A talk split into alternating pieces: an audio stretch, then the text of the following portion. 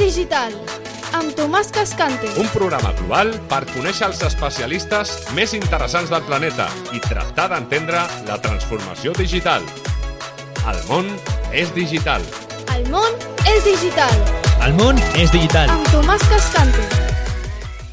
Hola, benvingudes, benvinguts un cop més a El món és digital, un programa que fem amb la col·laboració de PIMEC, la patronal de la petita i mitjana empresa i dels autònoms de Catalunya.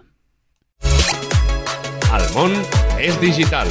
El món és digital, El món és digital. amb Tomàs Cascante. Avui parlarem de universitat i empresa, o de col·laboració entre universitat i empresa, perquè és evident que en aquest context actual el ràpid i constant avanç tecnològic està redefinint la manera en què operen les empreses, obrint oportunitats que mai havien sigut possibles pel seu creixement i la seva expansió. Les petites i mitjanes empreses i les microempreses s'enfronten cada dia a nous reptes realment per elles difícils d'abordar degut a aquests constants canvis, aquestes constants innovacions. Aquests reptes serien, però, més fàcils de resoldre si existís una col·laboració entre les empreses i les universitats. Col·laboració que, és, que tindria lloc en projectes conjunts capaços, a part, d'impulsar la innovació i el creixement.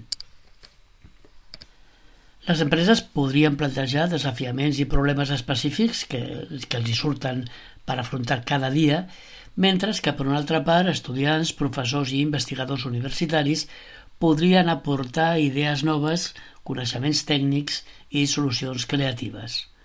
Així, amb aquesta col·laboració es promou la generació d'idees disruptives, la creació de productes i serveis innovadors i obre, sens dubte, noves oportunitats laborals. Bé, doncs, per parlar de tot això i per aprofundir una mica en el tema, el nostre convidat d'avui és el senyor Xavier Segura, president de la Comissió d'Universitats de PIMEC. El món és digital. El món és digital, El món és digital. amb Tomàs Cascante. Bé, Xavier, doncs, abans de tot, donar-te la benvinguda al programa. Molt bé, molt, moltes gràcies, molt bon dia. Bé, doncs, PIMEC, evidentment, és una patronal orientada a la petita i mitjana empresa i als autònoms, que és el mateix públic al qual va adreçat aquest programa nostre. Per tant, mm, avui parlarem una mica d'empresa des del punt de vista vostre de PIMEC. Però Mm. potser la primera pregunta seria aquest pacte que heu signat amb universitats per afavorir, mm, no sé ben bé què, quina transferència de coneixement entre universitats i empresa. Si ens pots explicar una mica de què es tracta aquest plan, amb qui l'heu signat i quins són els objectius. Perfecte. Doncs com a pacte o com a signatura no, no existeix eh, per si. El que hem fet és crear una plataforma de col·laboració entre eh, PIMEC, representant moltes petites i mitjanes empreses, i la universitat. És a dir, el que busquem és que tradicionalment la universitat i l'empresa, especialment la petita mitjana, han estat molt distants. És a dir, l'empresa petita i mitjana o, o les microempreses, que també són la, la majoria d'aquestes empreses, han vist el món de la universitat molt llunyà i on la col·laboració possiblement mm, era impossible.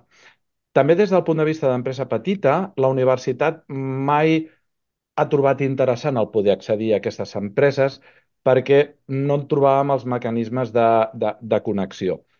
I una mica des de PIMEC, la idea principal eh, del, de la Comissió d'Universitats neix amb la idea d'establir punts de contacte, establir, de, de crear ponts. És a dir, veiem que amb l'increment tecnològic que està havent-hi i amb l'increment tecnològic que hi haurà en les properes dècades, en els propers anys, aquesta col·laboració entre tecnologia, universitat, coneixement i empresa, independentment del seu tamany, serà cada vegada més necessària. I per això hem començat a, a treballar aquests punts de comunicació per veure eh, o per fer veure a tothom que aquesta col·laboració entre petita mitjana empresa eh, i universitat és possible. Aquesta és la, la idea general. Aquesta és la idea. Eh, Quina serà, si, si ja la teniu definida, o potser ja l'esteu practicant, la Sí. mecànica? Eh? Perquè, clar, hi ha moltes formes. Poden assistir a classe, poden agafar becaris, jo què sé. Hi ha Sí. mil formes amb les quals pot haver-hi aquesta transferència de coneixement i col·laboració. Doncs, eh, mira, el primer de tot és que eh, a PIMEC i tenim una certa, una, una certa presència en els consells socials i això també ens permet transmetre quines iniciatives estem arrencant. Estem arrencant diverses iniciatives eh, des del punt de vista d'aconseguir resultats a curt termini. És a dir, no estem tan interessats en fer grans acords de col·laboració amb les principals universitats, sinó aconseguir establir una dinàmica de treball. Et poso per exemple, eh, vam demanar a tots els nostres associats que ens diguessin si estarien interessats a que projectes que tinguessin dintre de les seves empreses fossin desenvolupats com a projecte final de grau en diverses universitats. Doncs això ha tingut d'entrada una molt bona acollida. Hem aconseguit tenir més de 30-40 projectes que serien interessants treballar amb diverses universitats, des de la part més tècnica amb la UPC o amb el Tecnocampus. I ara, per exemple, hem estat eh, buscant quin projecte encaixa millor amb, amb, aquesta, amb quina universitat o amb quina especialitat per posar-los en marxa i poder arrencar. I de fet, d'aquests 30 ja en tenim en marxa sobre uns 3 o uns 4 i això també ens ha portat a aprendre com funciona, perquè ens hem adonat que eh, hem llançat en un moment que era tard per lo que buscàvem i ara el que estem treballant és a cursos inferiors quan comencen a pensar en projectes que puguem interactuar amb els estudiants i amb les universitats oferint-los idees de treball amb un entorn molt més pràctic d'empresa. Aquesta és una iniciativa. Hi ha algun tema que voleu prioritzar o que creieu que és més important que, que es posi en marxa dintre de tot el que es pot arribar a fer? Mira, dintre de tot el que es pot arribar a fer, bàsicament el que busquem és punt de col·laboració. Què vol dir? Pot ser punt de col·laboració a través de treballs final de grau. Pot ser punt de col·laboració a través de, de, de mm, mostrar a les, a les empreses que un doctorat industrial és possible de treballar encara que sigui una petita mitjana empresa. Estem començant a estudiar el tema de les microcredencials per veure també això com pot, com pot encaixar. Estem començant a treballar què suposa la, els graus duals, on hi ha, on hi ha universitats que comencen a, a pensar i aplicar, i doncs com oferim aquestes possibilitats a la- a l'empresa i a la universitat perquè entrem en contacte, perquè comencem a col·laborar. Molt bé, ara algú ens està sentint una pime i està dient, "Cara, i no se m'havia acudit mai, però realment és una bona idea. Quin és el, el, el pas? Què, què ha de fer per, per, per beneficiar-se, per integrar-se dintre d'aquesta iniciativa?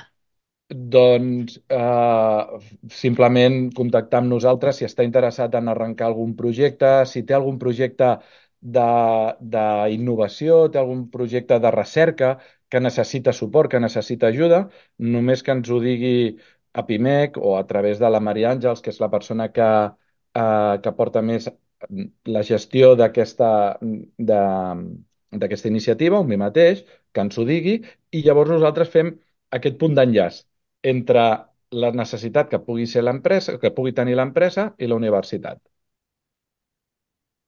Criteris d'èxit. Com mesurareu si això està funcionant, no està funcionant, si realment estan satisfetes les dues parts?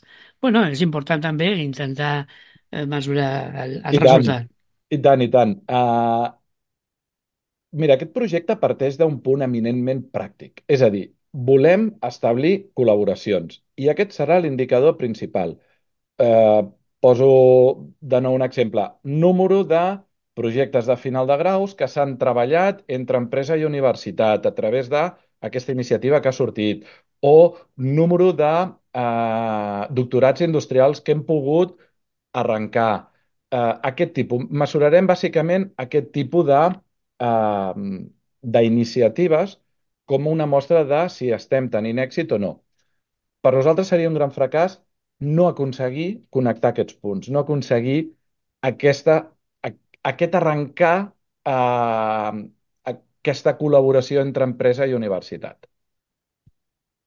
Bé, bueno, esteu tots just començant. No sé en quin punt esteu, i potser és precipitada la pregunta, però quins, quin és el next step? Què fareu després? Quan això estigui ja funcionant, teniu idea de- d'ampliar-ho d'alguna forma, de millorar-ho?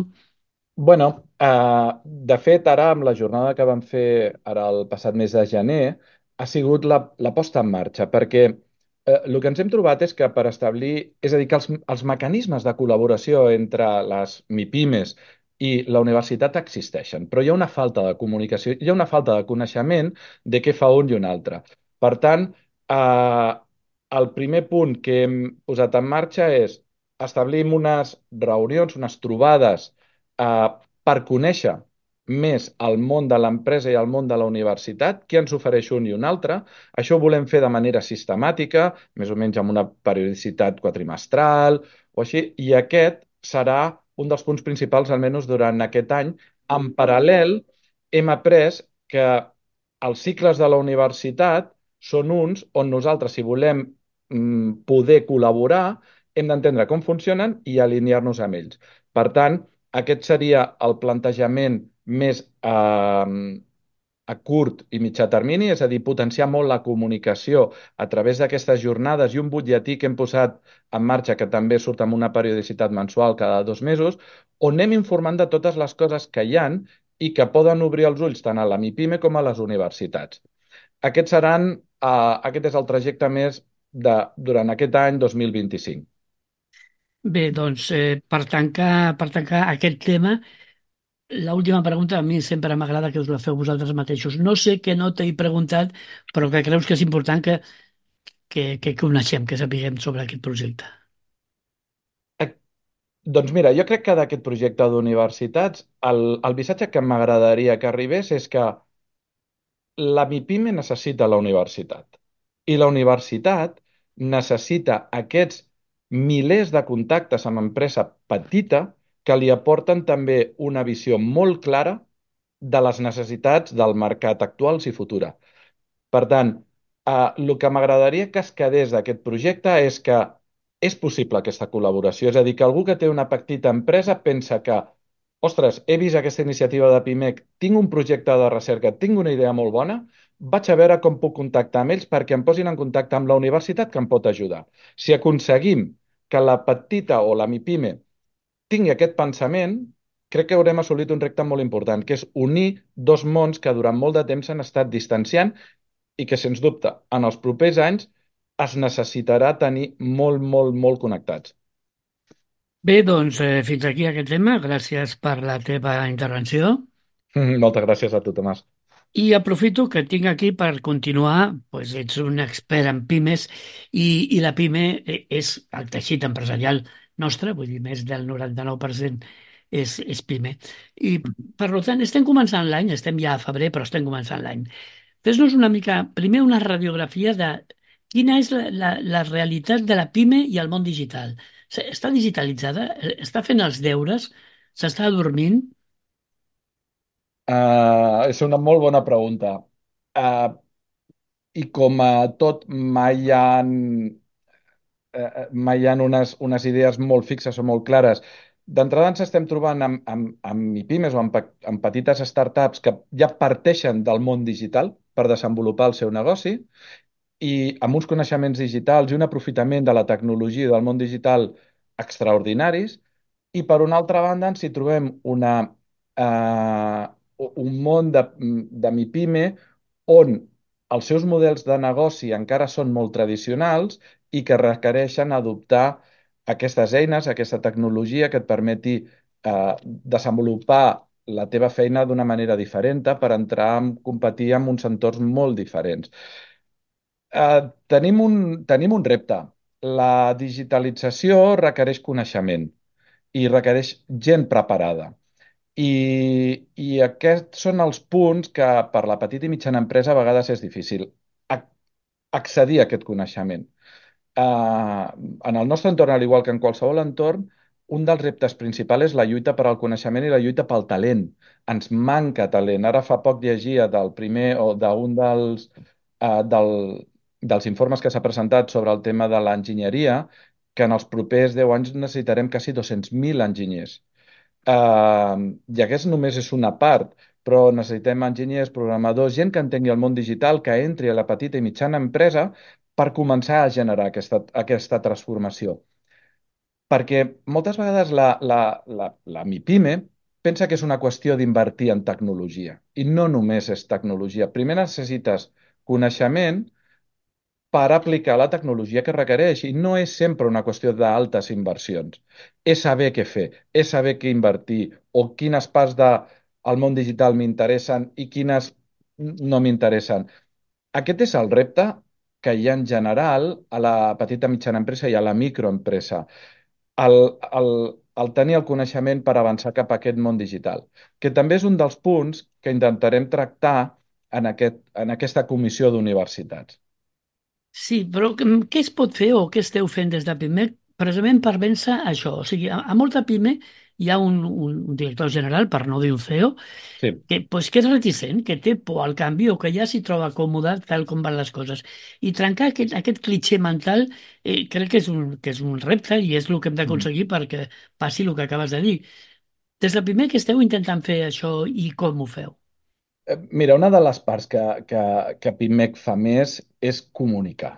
És comunicar i ajudar a tots els, els nostres associats a veure eh, que totes aquestes noves tecnologies, aquesta idea de digitalització, és aplicable també en el món de, de, la, de la MIPIME. Per això posem en marxa molta formació. Hi ha molta formació que permet agafar una visió molt clara de cap on anar en temes de digitalització, d'ús de la tecnologia, fem molta divulgació a través de múltiples iniciatives que es fan des de les diferents sectorials que hi ha, ja sigui des d'un punt de vista més territorial o ja sigui des d'un punt de vista més eh, general, però és una línia molt clara de, de treball que tant el president com el, com el secretari general hi treballen molt. Molta comunicació, molta formació, molta, eh, molta ajuda també en, en fer aquest canvi de mentalitat, en fer aquest canvi, sortir de la zona de confort a la que estem acostumats, per anar cap a,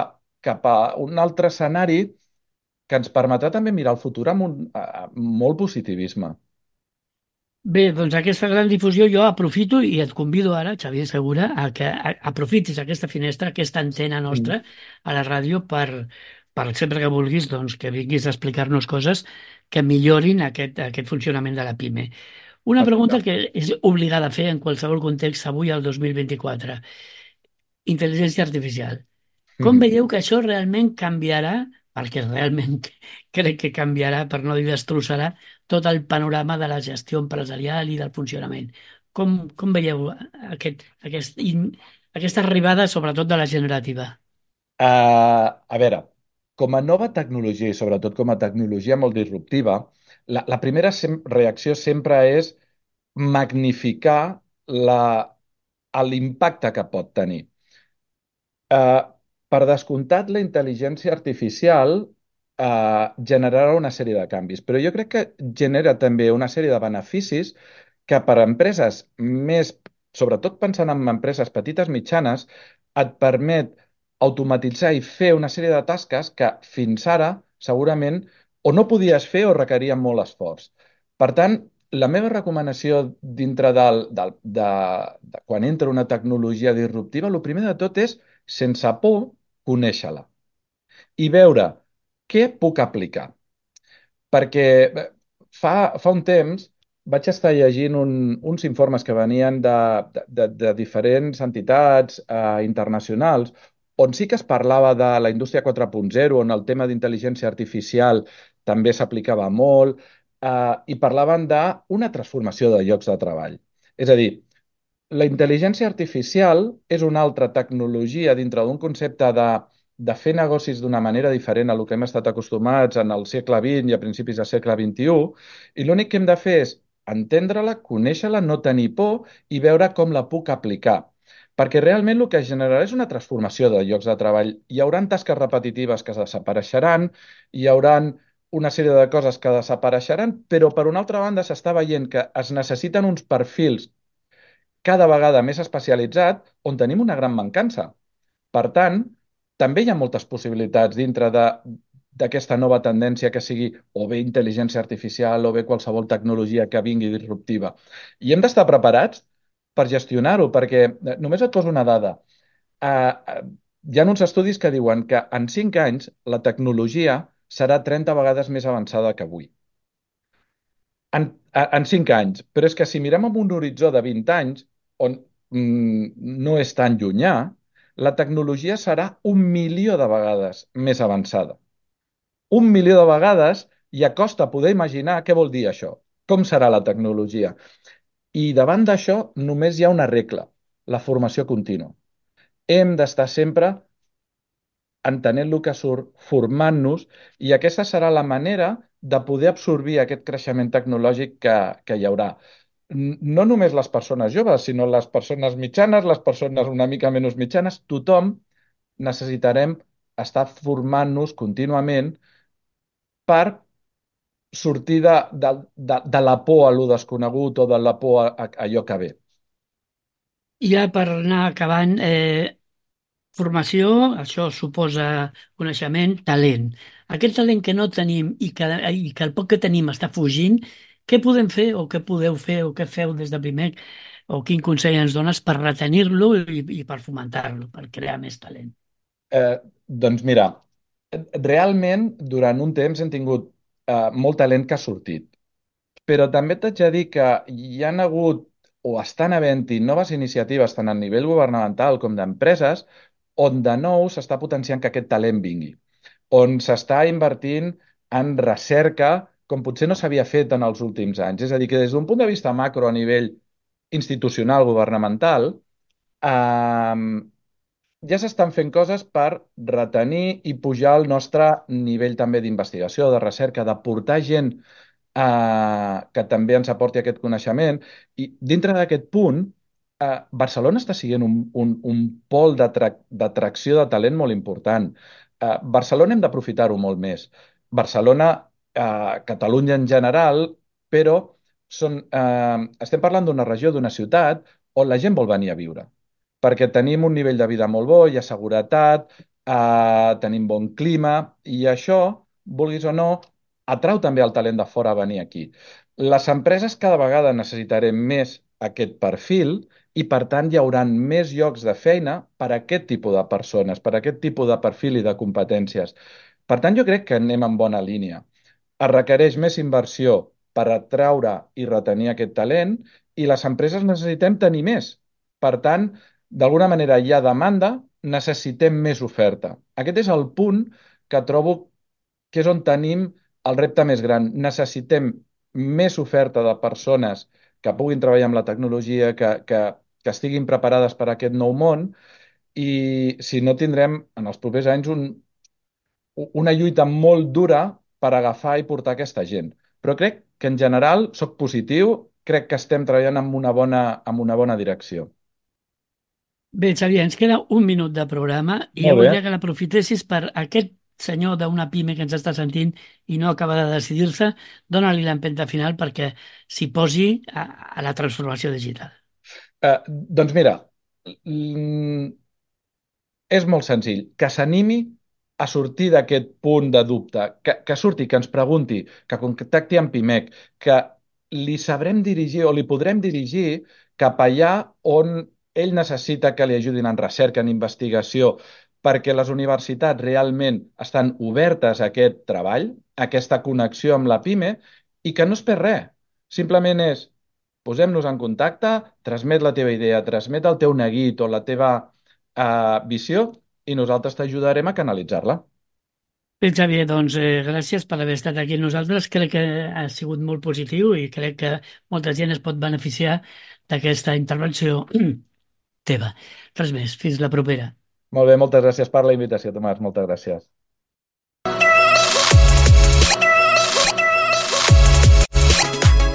El món és digital. El món és digital.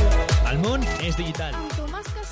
Eh, res més. Eh, recordeu que si voleu eh, tenir més informació o voleu fer suggeriments o assistir al programa o ser vosaltres els entrevistats i aportar-nos el vostre coneixement, podeu contactar amb nosaltres a través de l'adreça de correu hola arroba barcelonadot.com hola arroba barcelonadot.com